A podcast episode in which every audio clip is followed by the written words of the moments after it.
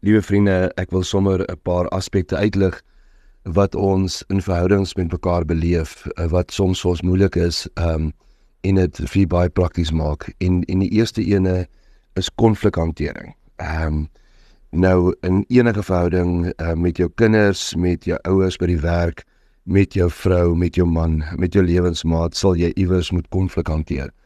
Jy sien, maar die probleem van konflik is dat gewoonlik ehm um, beklei ons oor iets. So ons het konflik oor iets. Maar in sommige verhoudings is die manier hoe ons konflik het, ehm um, is die oorsaak van die konflik. Ehm um, en en daarom wil ek vandag graag met u praat oor hoe hanteer ons hierdie konflik. So die eerste en die heel belangrikste ding is vriende, ehm um, is wanneer moet ons nie konflik met mekaar hê nie. Ehm um, so daar seker omstandighede wat ons kan vermy wat die konflik net minder gaan maak. Die eerste ding is ons moet nooit konflik staande hê nie. Ehm um, ek kan nou baie daaroor sê maar jy neem 'n dreigende houding in. Ehm um, is daai hele ding van okay my lewensmaat gaan net sê en dan gaan hy of sy wegstap. Ehm um, so ons doen dit nooit staande nie. Die ander belangrike ding is ons doen dit nooit vroeg in die oggend nie. Al is jy 'n oggendmens, maar die serotonien word nie in die nag afgeskei as ons slaap nie. En hierdie oordragstof laat ons net harmonie en vrede en vreugde beleef.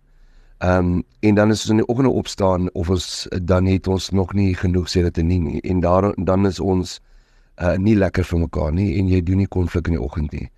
Ook nie laat in die aand nie. Al is jy aandmense want hierdie konflik kan soms tot in die nag aangaan uh vriende en dan een van die belangrikste goed om te onthou, jy doen geen konflik as jy alkohol ingeneem het nie. Uh, maak nie saak sien jy is gedrink nie. Ek sien net as jy een glasie wyn of een bier gedrink het, doen ons nie konflik met mekaar nie.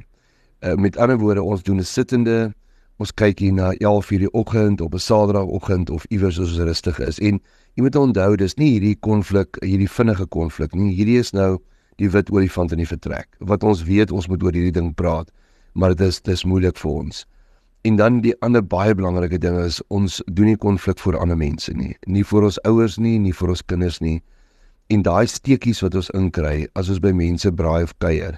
Vriende, ehm um, dit is wat jy saai sê jy maai, want dit breek jou lewensmaat af en oor 'n lang duur ehm um, gaan dit teen jou begin tel.